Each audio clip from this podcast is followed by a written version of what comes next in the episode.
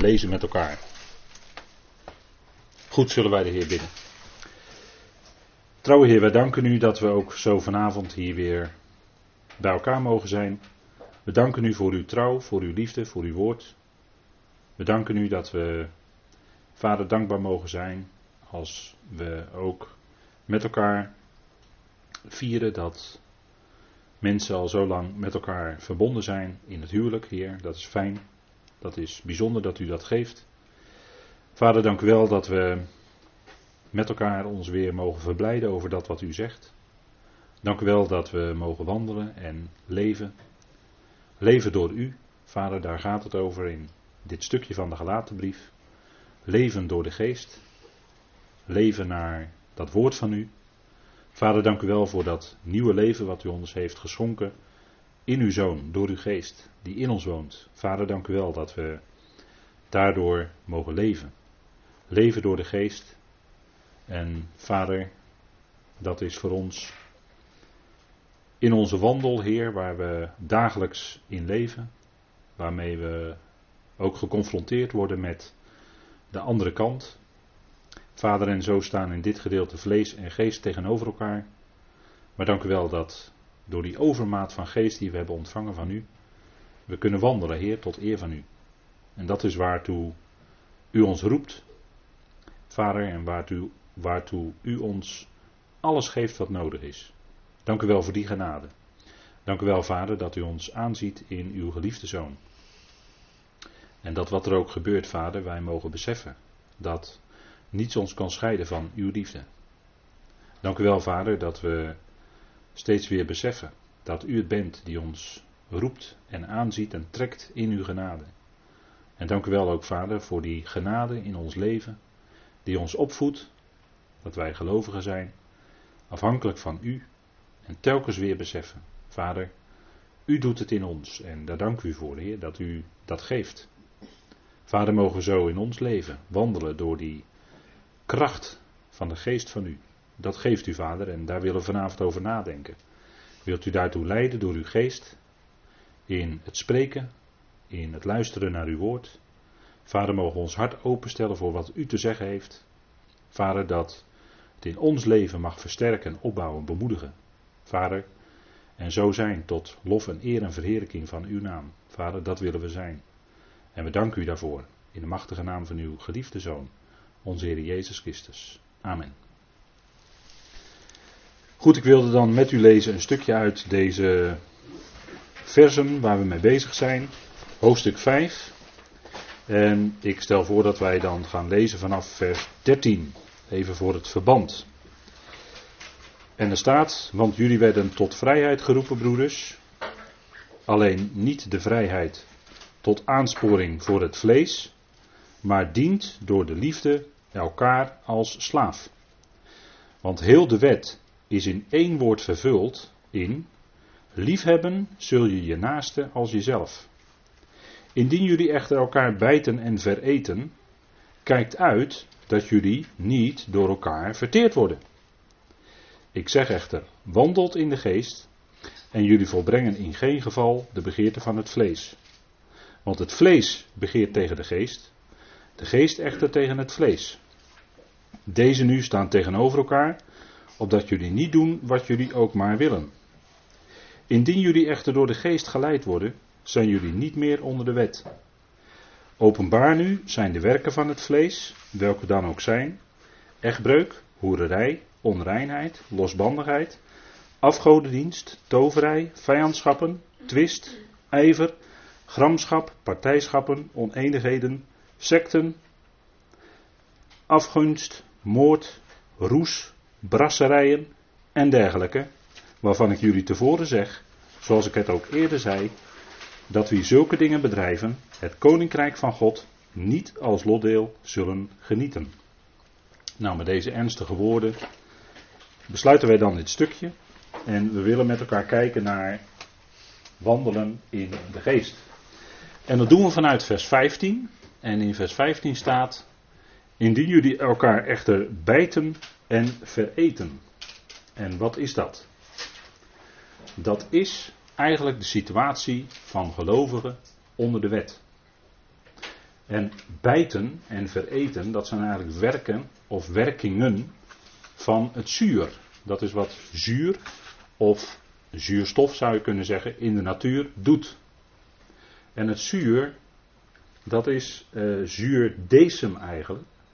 En we hebben de vorige keer ook stilgestaan bij de werking van dat zuurdecem en gezien dat dat zuurdecem een klein beetje verzuurt het hele deeg. en zuur of roest, corrosie, heeft te maken met ja, dat wat verteert. Dat is dat wat verteert.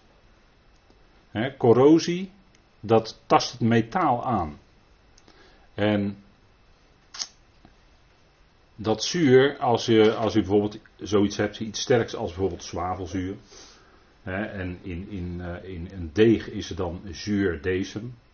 In de natuur is het zuurstof, wat het ijzer, hè, wat, wat werking van zuurstof met water, dat tast het ijzer aan. Nou, dat zijn allemaal werkingen van het zuur in de natuur.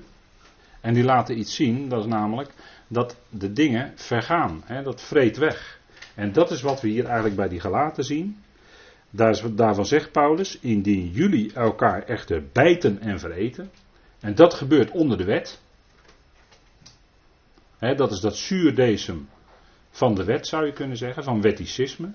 Waarin gelovigen elkaar op elkaar zitten te vitten en, en noem alles maar op. Dan is daar, dan heeft dat een verterende werking. Dat heeft geen opbouwende werking, want dat zouden gelovigen elkaar doen, elkaar opbouwen in het geloof. Maar hier zien we dus, als jullie elkaar bijten en vereten, ja, als het ware, figuurlijk gesproken, eten die gelovigen elkaar op. En dat heb je in een situatie van wet, van wetticisme. En dat is dat zuurdesem. Dan ga je niet langer in de liefde met elkaar om. Hè? Want Paulus roept ons in dit stukje om te wandelen door de liefde. Hè, dient door de liefde elkaar als slaaf. En in vers 14, liefhebben zul je je naaste als jezelf. Ja, als het zo gaat, dan is het tot opbouw van elkaar. Maar als het in een wettische sfeer is, dan gaan gelovigen elkaar afrekenen op de regels. Van die en die voldoet niet aan die en die regel en die voldoet niet daaraan. En je bent elkaar steeds aan het veroordelen. Je bent elkaar steeds aan het bijten en het vereten. Je eet elkaar als het ware op. En dat is een ernstige situatie. Als het onder, en, en zo gaat het in een situatie onder de wet. En dat is niet alleen de wet van Mozes, maar het gaat overal in gemeentes of in kerken waar uh, waar wetticisme hoogtij viert. Daar is een veroordelende werking. Daar gaan mensen elkaar veroordelen. Dan worden ze kleingeestig. Dan gaan ze elkaar op hele kleine dingen gaan ze elkaar aanvallen. op e- kleine onvolkomenheden. Terwijl juist de liefde, de liefde, anders kijkt. Als je in liefde naar elkaar kijkt, dan zie je elkaar aan in Christus. En dat is in genade. En daar gaat het juist in deze Galatenbrief om. Kijk, als je op een wettische manier met elkaar omgaat, dan is er ook geen genade. Dan ga je elkaar veroordelen op eh, allemaal kleine punten en dan is de genade weg. Terwijl de genade altijd zegt, wat er ook gebeurt, en dan zegt u ja, dat gaat dan heel ver, maar dat gaat ook heel ver. Wat er ook gebeurt, is het altijd, als je een gelovige bent, je bent gezegend in Christus Jezus en dat blijf je ook. Dat kan nooit ongedaan gemaakt worden. En dat is een, voor gelovigen vaak een moeilijk punt. Want kijk, we, we, we zitten nu in het stukje over onze wandel. En dan zegt Paulus een aantal dingen. En dat zou je heel makkelijk op een wettische manier kunnen brengen. Paulus die zegt in vers 16: wandelt in de geest. En dat zou je ook op een wettische manier kunnen brengen. Maar de setting van deze gelaten brief is juist dat het gaat om genade. Ons klimaat, ons leefklimaat is in genade. En juist die genade in ons leven is de werkzame kracht waardoor we kunnen wandelen in de geest. En is het anders, verdwijnt die genade op de achtergrond, doordat het wettisch wordt, dan zul je gaan ontdekken dat je de kracht mist, want je gaat het onherroepelijk dan toch weer als mens vanuit jouw vlees proberen. Ook vanuit, als gelovige kun jij het ook vanuit je vlees gaan proberen. En dan zeg ik altijd, dat gaat hem niet worden. Dat gaat niet lukken. En dat is het punt, hè. Kijk, en onder de situatie van wet, daar heb je dat wat Paulus zegt in vers 15, want daar waren we gebleven. Indien jullie echter elkaar bijten en vereten, en dat is tegenovergesteld aan vers 14, liefhebben zul je naaste als jezelf, want dat was in feite de eis van de wet. En onder de wet kon Israël daar niet aan toekomen. Waarom niet? Omdat het op vlees gelegd was. Daar zat geen geest in die Israëlieten. Daarom konden zij niet toekomen aan de vervulling van de wet. Dat is namelijk liefhebben zul je je naast als jezelf. Want daar zit alles in. Het liefde is de complement van de wet, zegt Paulus in Romeinen 13. En je mist die kracht tot liefhebben als je het gaat proberen vanuit je vlees. En de genade zou onmiddellijk op de achtergrond komen. Als we nu, als we met ingang van vanavond, bij wijze van spreken, hè, zouden gaan spreken over vers 16, wandelt in de geest. En dat als, als, als zou Paulus dat als een wet op ons leggen, juist niet natuurlijk. Want in de hele gelaten brief is hij bezig met de genade. En de verdediging van zijn evangelie van genade. Dus die hele oproep wandelt in de geest, is iets wat hij in genade tegen ons zegt. Dat moet goed voorop staan. En ik leid het zo wat langer in, op deze manier, om goed scherp te stellen dat ook deze aanwijzing van de apostel Paulus en in al zijn brieven niet opnieuw een wet zijn zoals bij de Sinaï gegeven werd en gelegd werd op Israël. Maar dit is een aanwijzing vanuit de genade. Rekening houdend met de geweldige kracht van de geest van God die in ons woont en werkt. En die kracht zou het ook zijn. En daar gaat het om. En dan is het ook niet meer onze verdienste, dan is het ook niet meer ons werk, maar dan is het zijn werk in ons. En als we dan bij onszelf misschien blij constateren dat we inderdaad wandelen naar de geest of in de geest, dan zouden we God daarvoor danken, want die geeft de kracht. je moet wel de dank neerleggen waar die hoort. Dat is niet bij jouzelf, maar bij God. Nou, en dat is dan, als dan God regeert in ons leven, en daar was ik zondag mee bezig, dan is daar een stukje koninkrijk van God, om het zo maar te zeggen. dat is Gods regeren in ons leven, dat is dan het koninkrijk van God. Maar dan is het ook helemaal zijn kracht. En daar gaat het om. Het gaat niet om onze eigen kracht. Nou, dat is denk ik heel belangrijk dat we dat goed met elkaar constateren. Nou, Paulus zegt in vers 15 dus, dat is onder de wet, onder de, in een wettische situatie. Dus niet alleen in het verleden bij Israël, maar dit treedt steeds op daar waar wetticisme bij gelovigen heerst. Indien jullie echter elkaar bijten en vereten, kijk uit dat jullie niet door elkaar verteerd worden. Dat gebeurt onder de wet. En dan ga je muggen ziften, dan word je kleingeestig, dan ga je op elkaar vitten. En dan, krijg je, dan krijgen mensen toch een, eh, een wat fariseïstische houding. En wat bedoel ik dan? Nou kijk, die fariseeën die uh, waren bezig met uh, de kleinste dingen daarvan de tiende te nemen, hè, de dille en de komijn. Maar ze vergaten de barmhartigheid en het geloof. Daar gingen ze langs. En dat zijn de dingen waar het werkelijk om gaat. Hè, de liefde en het geloof. Nou, dat, dat is het punt, hè. En kijk, onder de wet liefhebben, dat wordt heel lastig hoor, want de wet eist Liefhebben zul je naast als jezelf. En je kan nooit vanuit jezelf aan die eis voldoen. En dat is telkens wanneer wij het gaan proberen, gaat het niet lukken. Want dan gaan we het weer vanuit onszelf, vanuit ons vlees dus doen. Nou, dat gaat niet. En kijk, dat is ook wat, uh, wat je onder de wet uh, krijgt. Als mensen dus uh, toch ook, dat gebeurt ook onder gelovigen, dat is heel dichtbij hoor, veel dichterbij dan u denkt. Maar er wordt er gesproken over, als men aankomt met de Torah, wordt er direct ook gesproken over dat je moet strijden tegen de zonde. En je moet niet strijden tegen de zonde hoor. Want die strijd ga je verliezen. De Bijbel zegt niet dat wij moeten strijden tegen de zonde. Ja, ik weet wel een tekst hoor in Hebreeën 12, die ken ik. Maar we moeten niet strijden tegen de zonde. Evenmin moeten wij strijden tegen het vlees. Dat heeft geen enkele zin. Die strijd ga je ook verliezen.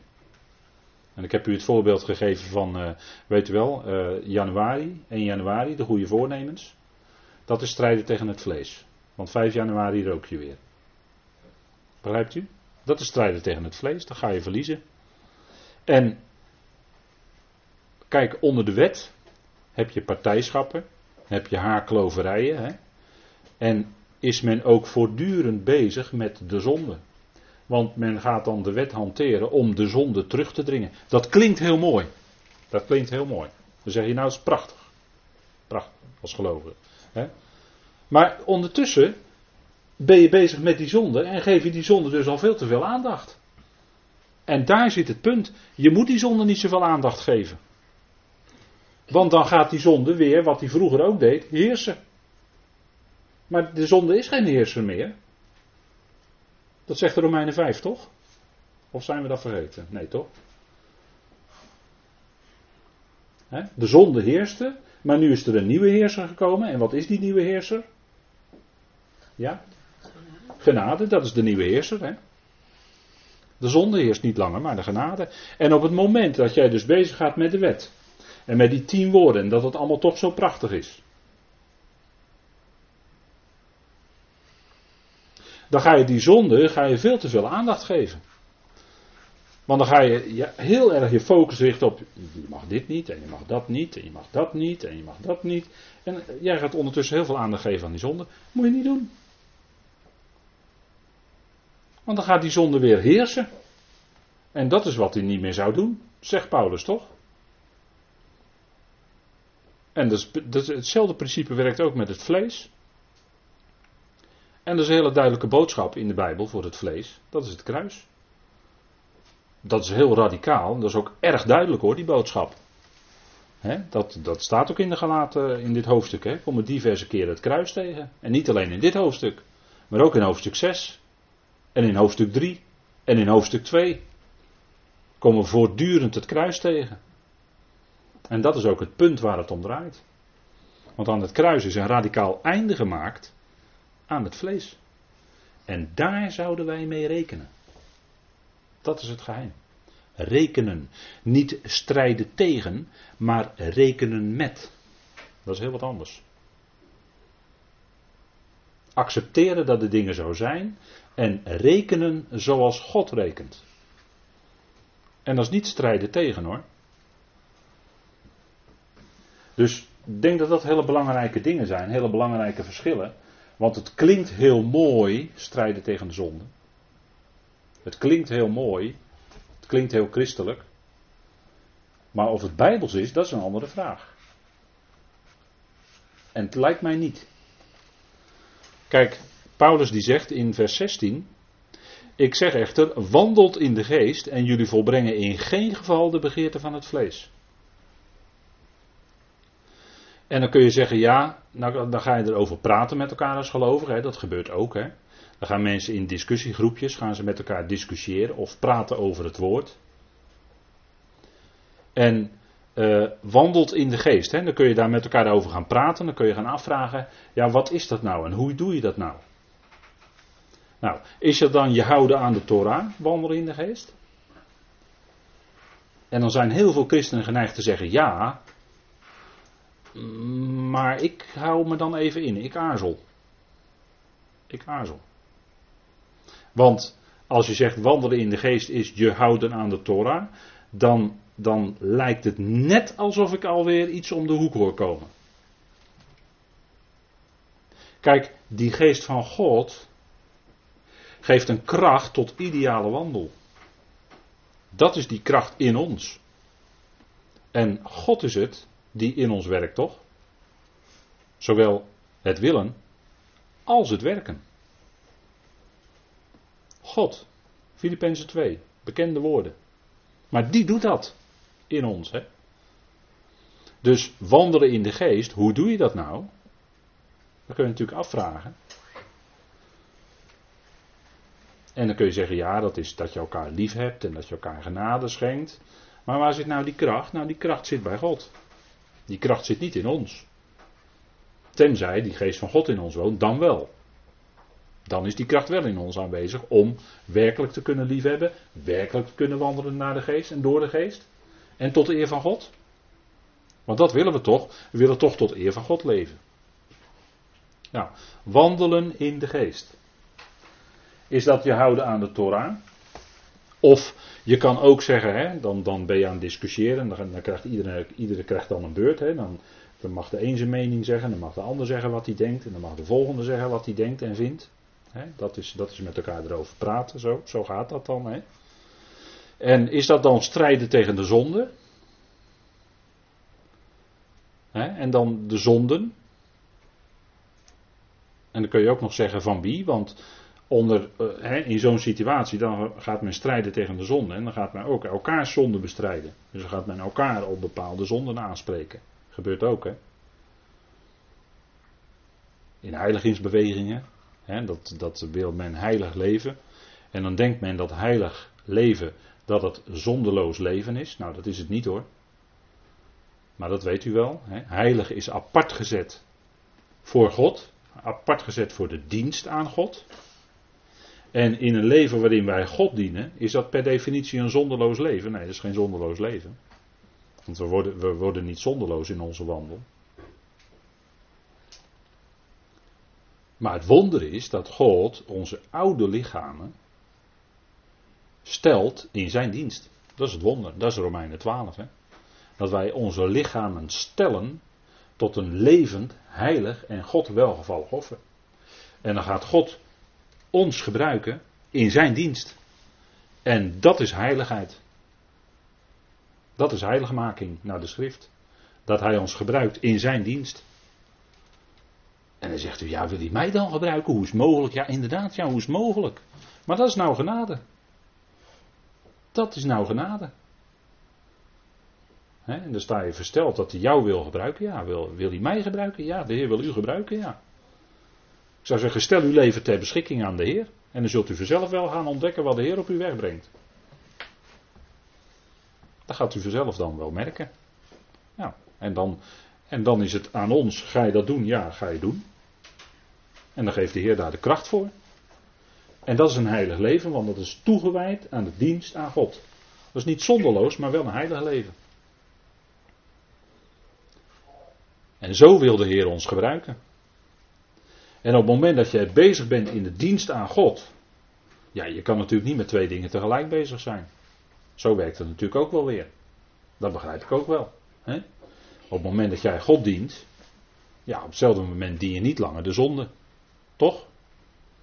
Je bent in dienst van God gekomen. Ik ben nu de hele tijd bezig met Romeinen 6 natuurlijk. Daar denk ik steeds aan, aan die teksten. Romeinen 6. Je bent in dienst van God gekomen. En je stelt je leden ten dienste van Hem, ten dienste van Zijn gerechtigheid. Nou, God gebruikt ze. De dienst aan God. God dienen in ons leven. Nou, dat kan overal.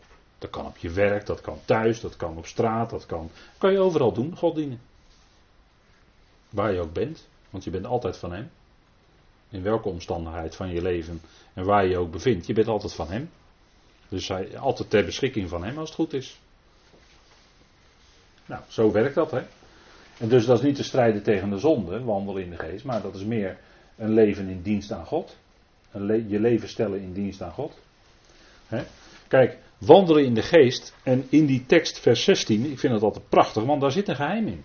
Daar zit een geheim in. En ik gaf het er net al heel even aan. Kijk, want Paulus zegt in vers 16: Ik zeg echter, wandelt in de geest en jullie volbrengen in geen geval de begeerte van het vlees. Kijk, je kan niet twee dingen tegelijk doen. Dat is eigenlijk het geheim. Op het moment dat je wandelt in de geest, volbreng je automatisch niet de begeerte van het vlees. Dat is wat Paulus zegt. Nou, wandelen in de geest, dat doen wij als gelovigen, als het goed is. En het is goed. Nou, dan volbrengen we. Hè? Je zou daar mogen vertalen en jullie zouden, maar we vertalen dan meestal volbrengen. Dat mag, ook uh, Nederlands technisch gezien. Maar wandelt in de geest en jullie zouden in geen geval de begeerte van het vlees volbrengen. Zo mag je het ook vertalen. Ik ga niet in op de technische details van het Grieks hier, maar zo mag je het vertalen. Nou, volbrengen, dat woord, dat is uh, tot een einde brengen, hè, staat er eigenlijk. Teleo. U kent het woord telos wel, hè, doeleinde. Nou, dit, dit, dat woord telos is van dit werkwoord afgeleid. Teleo. Tot een einde brengen of voeren. Hè? Dus wanneer je wandelt in de geest, zul je in geen geval, en er staat een hele sterke ontkenning daar in het Grieks, zul je, en vandaar ook dat we het zo vertaald hebben, zul je in geen geval het begeren van het vlees, en wat is nou begeren? Nou, dat is iets heel sterk verlangen, zou je kunnen zeggen, begeren. Iets heel, niet normaal, maar sterk verlangen. Dat is begeren. Nou, begeren van het vlees. Nou, het vlees begeert voortdurend. Dat verandert niet. Kijk, vlees valt niks aan te veranderen. Daarom, daarom is het ook geen zaak voor ons om te strijden tegen het vlees, want je kunt het vlees niet veranderen. Vandaar dat het vlees ook gekruisigd is. En vandaar dat Paulus er ook zo over spreekt. In vers 24 van dit hoofdstuk. Zij die van Christus Jezus zijn, kruisigen het vlees. Nou, dat is een feit. Het staat er als een feit. Zonder, zonder tijdsbepaling eigenlijk. Hè. We zeggen dan een tijdloos feit. Nou, die van Christus Jezus zijn kruisigen het vlees. Dus niet alleen in het verleden. Maar dat geldt voortdurend. Dat is voortdurend aan de hand. Als een feit. Hè. En dan rekenen zoals God rekent. Dus aan het kruis ermee. Volstrekt, maar dan ook volstrekt negeren. Dat is het, hè. En dan zegt u, ja, maar dat is, moeilijk. Ja, maar op het moment dat je het moeilijk gaat vinden, ben jij weer aan het strijden hoor. Maar door de geest, door de geest gewerkt, door de geest leven, ja, dus automatisch zul je dan niet volbrengen, hè, volbrengen, het begeren van het vlees. Het vlees begeert wel, maar je volbrengt het niet meer. Dan. Dat is punt, hè. Nou. Kijk, wandelen in de geest. En dan vragen we ons af, hoe? Nou, als je nou een voorbeeld wilt uit de Bijbel van iemand die wandelde in de geest, want wij zoeken dan naar voorbeelden, en we zeggen tegenwoordig rolmodellen. He, jongelui die kijken vaak naar popsterren als rolmodel en dan gaan ze zich ook gedragen als popsterren. Of zich zo kleden, of ze bekleden hun hele kamer met allemaal foto's van die popsterren. Dat soort dingen. Dat wordt dan hun idool, een rolmodel waar ze zich naar gaan richten. zo, gaat, zo gaat het in de wereld. Maar voor ons, kijk, als wij naar voorbeelden zoeken in de schrift, dan vinden wij in de Filippenzenbrief vier geweldige voorbeelden. En één daarvan is Timotheus. En daar wil ik dan vanavond heel even naar kijken met u. Timotheus. Als je nou je leven als gelovige wil spiegelen, om het zo maar te zeggen. Ja, spiegelen vind ik ook weer een beetje een moeilijk woord hoor. Maar even, als je je leven daarna wil richten naar zo'n voorbeeld, dan zou je kunnen kijken naar een Timotheus. Kijk, want in Filippenzen 2, vers 21 staat. Want allen zoeken hun eigen belangen, niet die van Christus Jezus. En dan heeft hij het over Timotheus. En dan zegt hij, eerst in vers 20, en het gaat om vers 21. Want ik heb niemand van gelijk gevoel die echt bezorgd zal zijn over wat jullie aangaat. En wie is dat? Dat is Timotheus. Want allen, zegt Paulus, zoeken hun eigen belangen, niet die van Christus Jezus. En dat moest Paulus dan toch zeggen over gelovigen. En dan schrik je toch wel een beetje. Want kennelijk zijn er dan heel wat gelovigen die bezig zijn met eigen belang. En dat kan soms heel subtiel gaan hoor. In de gemeente. Kan heel subtiel gaan. maar wat is nou ons belang? Wat is nou ons belang? Wat was het belang van Timotheus? Hij diende alleen het belang van Christus Jezus. En het belang van Christus Jezus is de opbouw en de roeping en de versterking van de gemeente. Van de gelovigen.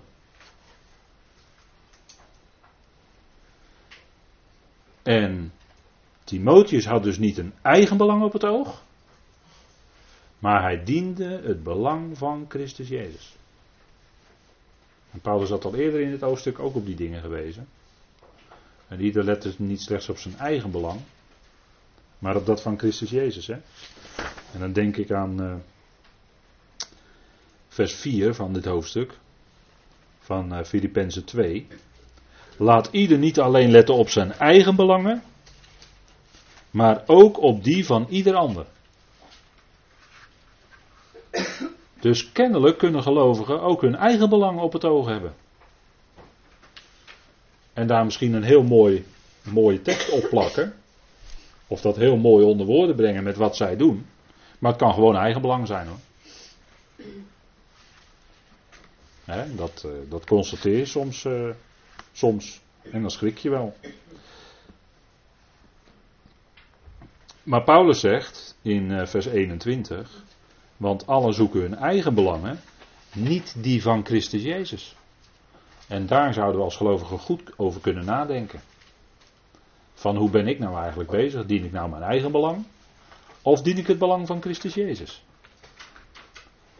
Zoeken wat van Christus Jezus is. allen zoeken hun eigen belang. Let op dat zoeken, had ik het zondag ook over. Zoeken, wat zoek je nou? Waar zoek je nou? Zoek je hier de dingen op aarde? Of zoek je dat wat boven is, waar Christus is? Nou, Timotheus deed dat, daar kun je van overtuigd zijn hoor. Die zocht de dingen die boven zijn, absoluut. En dat, dat is voor ons het voorbeeld. Hè? En hij zocht wat van Christus Jezus is, daar gaat het om. En, en hè, wat wij zoeken in ons leven. Nou, als we geestelijk zoeken, om het zo maar te zeggen, dan is dat wat van Christus Jezus is. En dat is natuurlijk, dat is natuurlijk uh, zijn woord. Zijn woord. Je hebt mensen die, uh, die zie je niet of nauwelijks, uh, of, nou, die zie je niet of nauwelijks in de dienst. En dat gaat helemaal niet om, om daar wetties over te doen of zo. Maar soms denk je toch wel eens van ja. gemeenschap. Gezamenlijk. Met, gezamenlijk zingen, gezamenlijk bezig zijn met dat woord. Elkaar opzoeken daarin, op de goede manier. Dat is, dat is ook een zoeken van wat van Christus Jezus is hoor. Die medegelovigen. daar, daar bezorgd over zijn in de goede zin. wees u niets bezorgd, ik weet het wel, dat staat er. Maar voor elkaar zorgen mag wel degelijk. Nou, dat gebeurt ook. maar die punt, dit zijn de punten van wandelen in de geest. 2 Korinthe 10 vers 5, he, ziet u daar ook staan. Laten we het ook even met elkaar opzoeken. Dat is ook zo'n principe. Principe van, eigen, van die dingen van wandelen in de geest, daar hebben we het nu over.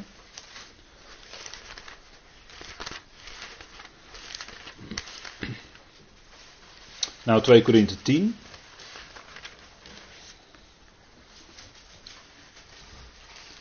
En uh, natuurlijk werd uh, van Paulus gezegd dat hij eh, dan wel zou wandelen naar het vlees. Hè? Maar ja, ze zeiden zoveel over Paulus. En die Corinthiërs die riepen dat natuurlijk, maar die riepen zoveel dingen over Paulus. ze riepen natuurlijk ook over Paulus dat hij wandelde naar het vlees. en ze beschuldigden de Heer Jezus ook van dat hij een wijnzuiper was. En dat hij aanzat met hoeren en tollenaars. Daar werd hij ook op afgerekend. Ja, maar hij had ze lief. Maar kijk, in 2 Korinthe 10 staat, en Paulus die zegt dan in vers 3, want al wandelen wij in het vlees, wij voeren geen strijd naar het vlees. De wapens van onze strijd zijn immers niet vleeselijk, maar krachtig door God tot afbreken van bolwerken.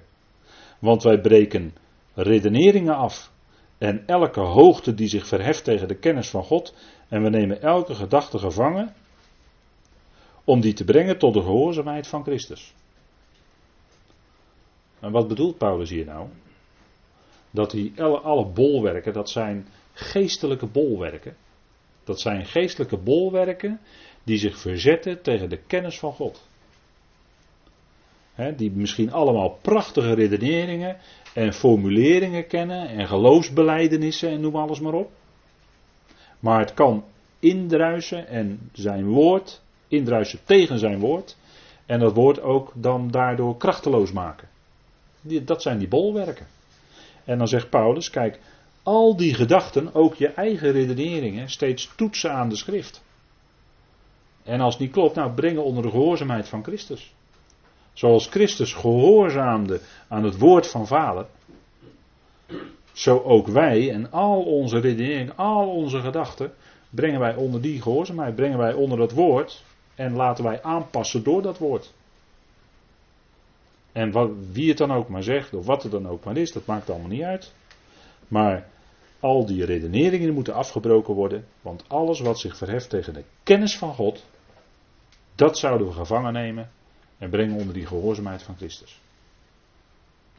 En daar zelf ons leven naar richten. Nou, dat is ook zo'n geestelijk principe. Hè?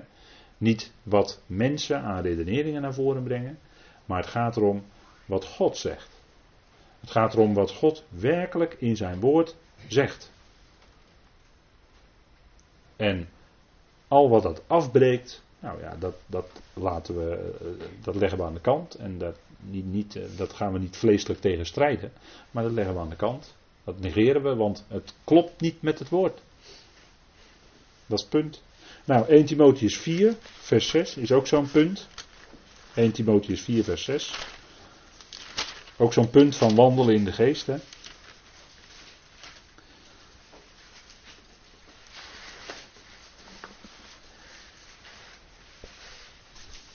En er zou nog veel meer te zeggen zijn over dat vierde hoofdstuk van Timotheus, maar goed, het gaat nu even om het algemene principe.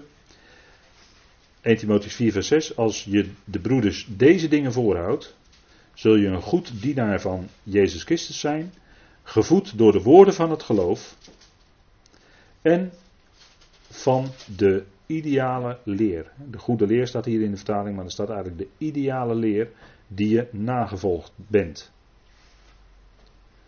Dus dat is ook zo'n punt. Hè? Je voeden met de woorden van het geloof, dus Gods woord, en van de ideale leer. dat is de leer dat God werkelijk God is. Dat Hij alles aan zich onderschikt. En dat wij ons dus aan Hem onderschikken.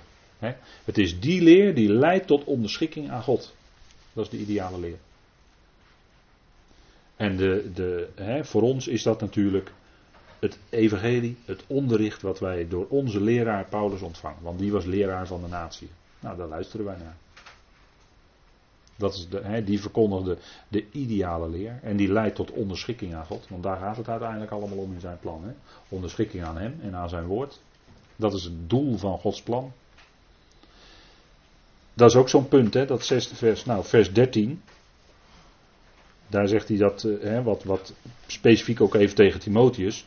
Blijf, blijf bezig met het lezen, hè, want in die tijd werd de schrift ook vaak voorgelezen aan de mensen. Veel mensen konden niet lezen, maar werd voorgelezen en dan onthielden de mensen ook heel veel, veel beter dan nu. Geheugen was toen veel beter ontwikkeld. Als de mensen hoorden, die onthielden dat veel beter. Dus dat werd steeds voorgelezen aan de gelovigen, vandaar dat Paulus dat zo zegt. En er is natuurlijk niks mis met het lezen van het woord. Uh, alleen, ja, je moet toch altijd, uh, altijd kijken, hè, met elkaar vergelijken, omdat je altijd met de vertaling bezig bent. En, en met het vermanen, hè, met het, ja, vermanen kun je ook zeggen bemoedigen, met het onderrichten totdat ik kom. Nou, dat, is ook, dat zijn ook van die punten die dan specifiek voor Timotheus golden. Hè. En dan bijvoorbeeld 1 Korinthe 13, vers 13. En dan hebben we maar enkele punten, stippen we nu even aan die te maken hebben met de wandel in de geest. Hè, waar Paulus het over heeft. Wandelen in de geest. En dat is te blijven. 1 Corinthië 13 vers 13. Makkelijk te onthouden vers dan. Hè. En nu blijven geloof, verwachting en liefde. Deze drie, maar de meeste van deze is de liefde. Nou, daarin wandelen, daarin leven. wij leven in geloof. Niet in wat we zien, maar we leven in geloof, hè, niet in wat we waarnemen. Want je kunt een heleboel dingen waarnemen. Op podia gebeuren tekenen en wonderen. Althans, men zegt dat er tekenen en wonderen gebeuren. Even wat reserve gelijk inbouwen. Maar Hè? En dat wordt door gelovigen dan soms, soms zonder uh, mankeren geaccepteerd. Maar wij wandelen in geloof. En in geloof wandelen betekent, je richt je wandel op het woord. En niet op wat je oogjes dan misschien zien, want je kan gezichtsbedrog hebben hoor. En we wandelen in verwachting. De Joden wilden graag tekenen zien. Maar voor onze tijd gelden geen tekenen van het koninkrijk en wonderen. Dat geldt in deze tijd niet. En wij wandelen in verwachting. In verwachting. En die verwachting die is geweldig. Wat wij verwachten, dat is zoiets enorms. En als dat jouw leven verlicht, ja, dan sta je gewoon heel anders in het leven. Dan heb je gewoon een heel andere levensrichting. Want wat wij verwachten, wat gaat komen, dat is zo geweldig. Dat is zoiets geweldigs. Daar, daar zult u stom verbaasd zijn als, als dat eenmaal ingelost wordt, die verwachting. Als, we, als u verheerlijk bent en bij de Heer bent. Ineens weg van de aarde. Dat geldt ook voor de gelovigen die nu denken dat ze op aarde blijven. Maar als het echte gelovigen zijn, gaan ze ook gewoon mee de Heer tegemoet in de lucht hoor. Of tegemoet niet. Ze worden weggerukt. Ik zal gelijk corrigeren. Ze worden weggerukt. Er is niks tegemoet gaan, dat staat alleen maar in de vertaling. Maar het staat niet in het Grieks. In het Grieks staat dat wij worden weggerukt tot een ontmoeting met de Heer in de lucht. Dat staat er. En al die gelovigen die ook nu denken dat ze het aardse koninkrijk zullen binnengaan, dat ze door de grote verdrukking gaan, als het echte gelovigen zijn, dan zitten ze op dat punt gewoon in een verkeerd denken. Maar dan zullen ze ineens bij de Heer boven zijn, niet op aarde, zijn ze misschien verbaasd. Maar dan zal de Heer zeggen, ja, maar ik heb toch tegen je gezegd. Het staat toch in mijn woord. En misschien moet de Heer dan tegen ons als gelovigen wel zeggen, maar heb je dan niet gelezen dat? Heb je dat dan niet gelezen? Staat er toch? Ja, wat dacht je wat? De Heer houdt zich aan zijn woord hoor. De Heer vervult niet onze verwachting, die wij misschien hebben in ons eigen redeneren en eigen denken. Gelukkig niet. Want er blijft het ene clubje van de gelovigen blijft op aarde. En die, gaat, uh, die, die wil graag op de helft van de grote verdrukking bij wijze van spreken. En de andere club die, die, die denkt dat ze door de grote verdrukking heen moeten. Maar de Heer vervult zijn woord hoor, niet wat wij denken. Dat vervult hij aan ons. Hij vervult zijn belofte. Hè? Kijk, dat Abraham kwam in Egypte terecht, maar dat was niet wat de Heer beloofd had. De Heer had hem Canaan beloofd en daar kwam hij ook. En daar zal hij ook komen in de toekomst. Want dat had de Heer beloofd. En daar zal hij dan ook komen. Jozef ook. Hè? Jozef gaf aanwijzingen over zijn gebeente. Jozef was een gelovige op zijn sterfbed. Hij gaf aanwijzingen over zijn gebeente. Neem het mee en neem het mee naar het land wat de Heer beloofd had. Want daar zul je terechtkomen. En ze deden het. Ook al duurde het nog honderden jaren. Maar ze deden het wel. En Jozef was een gelovige hoor. Die wist waar hij kwam. Nou, wij weten dat toch ook. Wij komen boven bij hem, te midden van de hemelingen. Dat staat, dat staat er. En dat kan je niet veranderen. Je kan, maar moeten maar opletten als, als mensen daar tegen ingaan, he, dat wij te midden van de hemelingen zullen zijn. Moeten maar opletten, de mensen die daar tegen ingaan, die gaan redeneren. Let maar op. Maar als je gewoon puur kijkt wat er staat, dan is dat wij in de toekomende eonen zijn genade zullen tonen te midden van de hemelingen in Christus Jezus. Daar is onze plaats. En dat is niet hier op aarde. Ja, dat is wat er staat. Dus kijk, wij wandelen in verwachting. En die verwachting, die heeft Paulus neergelegd in zijn brieven. En dan is daar als derde punt, en dat is het belangrijkste, de liefde, hè, de agape. Daar wandelen en leven wij in als geestelijke gelovigen. Waarachtig Gods liefde. En daar waar echt Gods liefde onder gelovigen zichtbaar wordt, daar herken je ook dat de geest van God werkt. En de geest van God, die zet je nooit in de klem. Dat is een kenmerk. Waar namelijk die geest van God is, waar de geest van de Heer is, zegt Paulus, daar is vrijheid. Daar is, niet, daar is dus niet jou in de klem van de wet zetten. Maar daar is vrijheid. En die liefde van God, die geeft ruimte. Daar kun je ademhalen. Daar leef je niet in de beklemming van de wet, maar dan leef je in de vrijheid van de genade. Dat is een kenmerk van de geest die werkt. En daar moet je op letten. Nou, dat zijn kenmerken, dat zijn punten van onze wandel in de geest. Als we nou afvragen hoe, nou dan heeft u hier een paar handvatten. Kijk, in vers 17 gaat Paulus dan verder in op dat punt van vlees en geest. Want die staan tegenover elkaar. en dan staat er in vers 17, want de, het vlees begeert tegen de geest en de geest tegen het vlees. En ik moet dan wel eens denken aan, die aan dat voorbeeld van die twee honden, vandaar dat ik het plaatje hier heb. een zwarte hond en een witte hond. En die zijn, uh, iemand heeft dat zo voorgesteld, die zijn met elkaar in gevecht. Het beeld klopt niet helemaal, dat geef ik gelijk toe. Maar als je nou die, eh, die witte hond het meeste voer geeft, dan gaat die winnen, want die wordt dan sterker. Maar als die zwarte hond, dat vlees, meer voer geeft, voedsel geeft, dan wordt, dat zwart, dan wordt dat zwarte in de praktijk sterker in je leven. dat zijn die twee honden. Die, die witte hond is dan de geest en de zwarte hond is het vlees. Nou, dat spanningsveld, om het zo maar te zeggen, zit in elk leven van elke geloof. Zit in elke gelovige. Dat spanningsveld, hè. Nou, ga je nou dat vlees meer voedsel geven, dan gaat het vlees sterker worden, want je gaat er meer aandacht aan besteden. En dan wordt dat sterker in je leven. En dan word je misschien net als die Corinthiërs, word je een vleeselijke gelovige. Kan. Wel een gelovige, maar vleeselijk is dan je kenmerk. En bij geest ga je die geest dus voeden.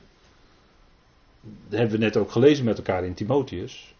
Ga je die geest dus voeden, dan wordt dat sterker in je. Hè? Dat bouw je dan op. Hè? Want Paulus zegt dat al wat wij doen als gelovigen zou zijn tot opbouw van het lichaam van Christus. En dat begint bij jezelf. Wil je zijn tot opbouw van het lichaam van Christus? Begin bij jezelf.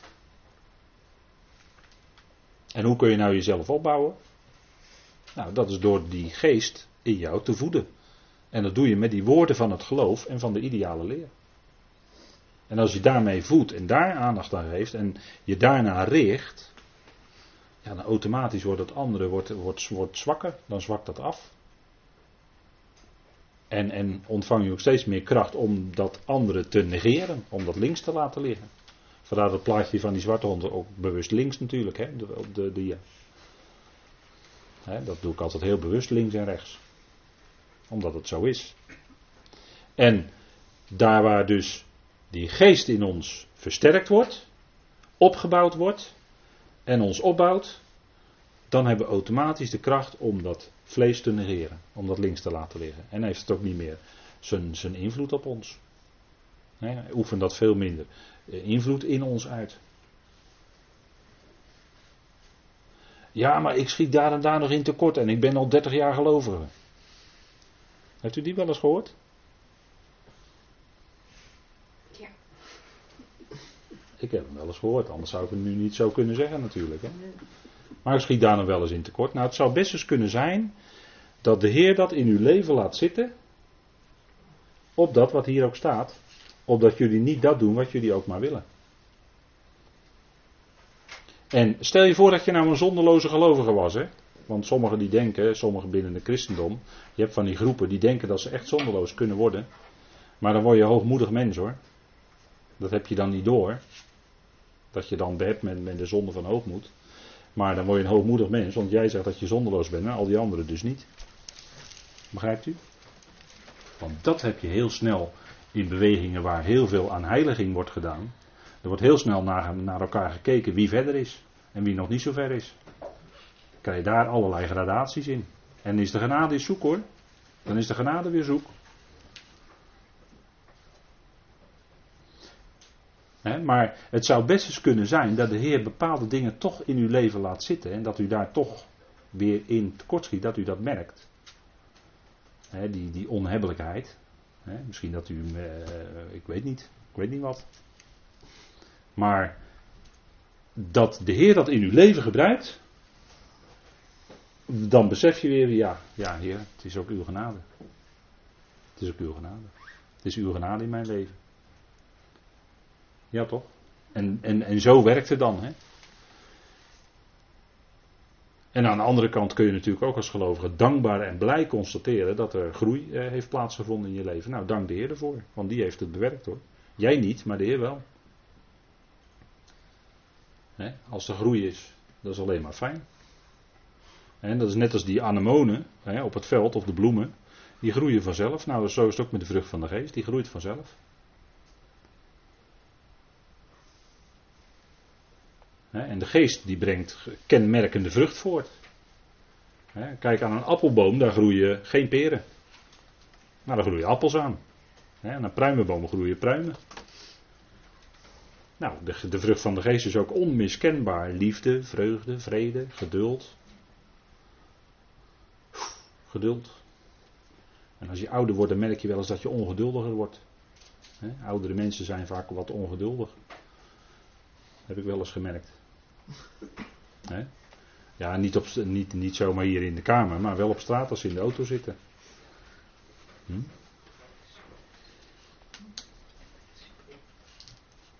Maar ja, dat zijn zo van die menselijke dingen, hè, zeggen we dan. Maar kijk, deze staan tegenover elkaar, zegt Paulus, opdat jullie niet dat doen wat jullie ook maar willen. Want blijkt dat onze wil als mens is heel zwak hoor, eigenlijk. Hè? Ja, als je dat maar wil, dan kun je het ook. Wordt er dan gezegd, hè? Ja, maar als je eerlijk bent, is je wil heel zwak hoor. Is helemaal niet zo sterk. want, kijk, eh, dan probeer je misschien de wet te houden. En de wet zegt, jij zult niet begeren. En op het moment dat je dat leest, dan uh, word je daarop geattendeerd, als het ware. Paulus zei dat ook in Romeinen 7. Hè? Hij zegt, ja, ik had van de begeerte niet geweten indien de wet niet zei, je zult niet begeren. Maar toen kwam de wet en toen ontdekte Paulus in zichzelf ineens allerlei begeerten. Kijk, dat is het punt, hè. Kijk, en het hele subtiele is, van het vlees, is dat hij probeert de wet te houden. Daar heb ik al meerdere keren op gewezen in deze avonden. maar dat is een hele subtiele, maar dat is ook voor het vlees. Begeren van het vlees is ook dat jij de wet wil houden, de Torah dat is dan vroom vlees. Maar je kan hem niet houden. Want dat ontdek je heel snel hoor. Ga jij maar proberen vanuit jezelf de wet te houden. Dan ga je heel erg snel ontdekken dat jij hem niet kan houden. En, en als je denkt dat je wel houdt, dan moet je nog eens de bergreden lezen. Want daar zei de Heer Jezus waar het ten diepste om ging bij de wet. Niet alleen bij het daadwerkelijke doen, maar ook bij de gedachte alleen al. Als jij in je gedachten je broeder veroordeelt, dan heb je hem eigenlijk al gedood. Begrijpt u? En heb je niks gedaan. Niemand merkt dat aan je. Maar de gedachte alleen al. Dat zegt de Heer in de bergreden. Hè?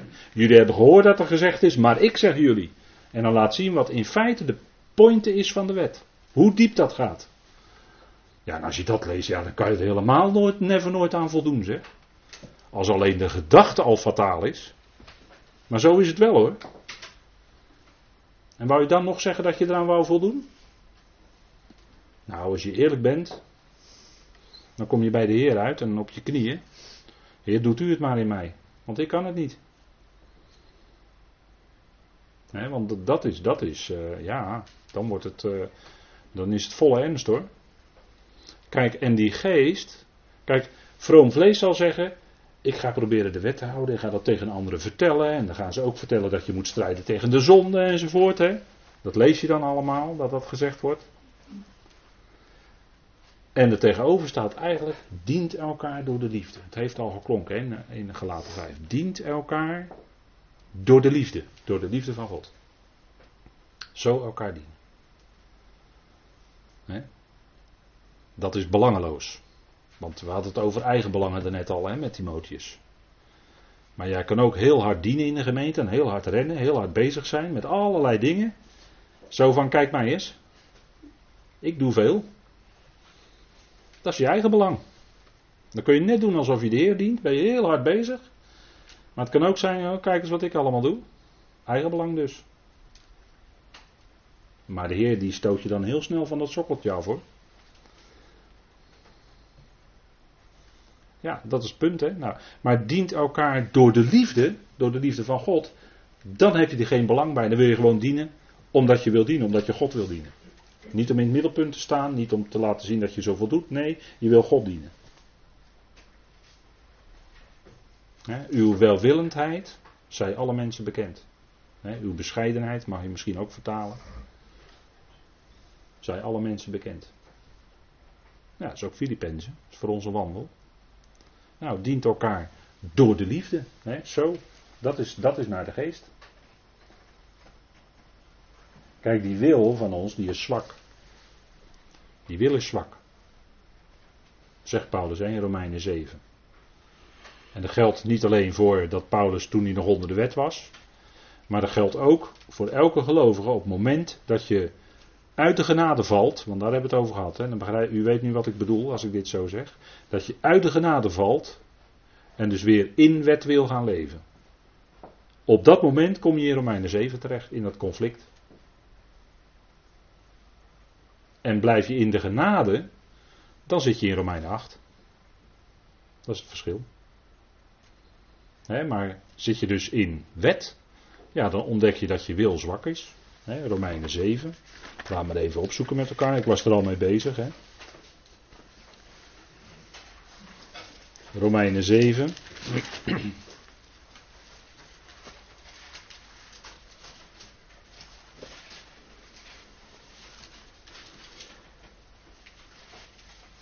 Dat is de situatie van iemand die onder de wet wil of leeft, wil leven.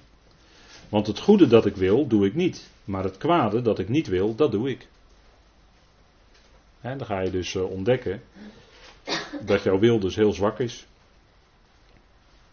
jouw eigen wil. Want die wil wel misschien het goede, maar, maar het lukt niet. Het goede dat ik wil, dat doe ik niet. Maar het kwade dat ik niet wil, dat doe ik. En zo staat het ook in vers 26. Zo dien ik dan zelf aan met het verstand de wet van God, maar met het vlees de wet van de zonde. op het moment dat je als het ware weer terugzakt in je vlees als gelovige, om het zo maar te zeggen, dan, dien je, dan ga je automatisch onder die, kom je automatisch weer onder die wetmatigheid van de zonde. En dan blijkt dat die zondemacht op dat moment weer sterk is, want jij wilt vanuit jouw vlees. En je ontdekt dat dat niet lukt. Maar het antwoord zit natuurlijk in vers 25 of in vers 24. Wat zal mij verlossen uit het lichaam van deze dood? Genade.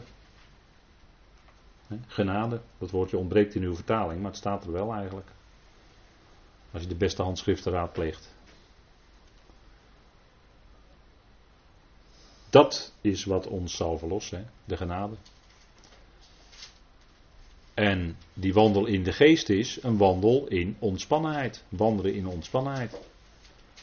Dat is dan ook wandelen. dat is niet krampachtig, maar als je wandelen, gaat, lekker gaat wandelen buiten, dan doe je dat, dan doe je dat heel ontspannen. dan ga je even een rondje wandelen. Nou, dat is echt, echt even lekker ontspannen. Adem je gelijk wat frisse lucht in. Maar je wandelt in ontspannenheid. En dat is die wandel van Romein 8. Dat is de wandel in de geest de wandel naar zijn wil, naar zijn woord. En dat is wat Romeinen 8 zegt, vers 6 en 7.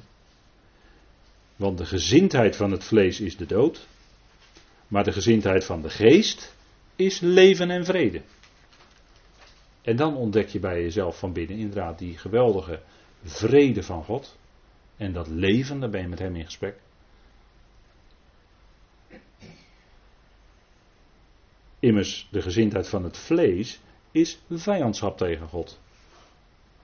Het onderschikt zich niet aan de wet van God en het kan dat ook niet. Het vlees kan het niet. En daarom zouden wij dat vlees ook negeren. Volstrekt negeren. Dat is, dat is, de, hè, dat is de enige. Dat is de, het kruisigen. Nou, aan het kruis gaat het, uh, sterft het af, gaat het dood. Is het, uh, hè, verliest het zijn invloed, hoe moet ik het zeggen? Maar de wandel in de geest, dat is die wandel in leven en vrede.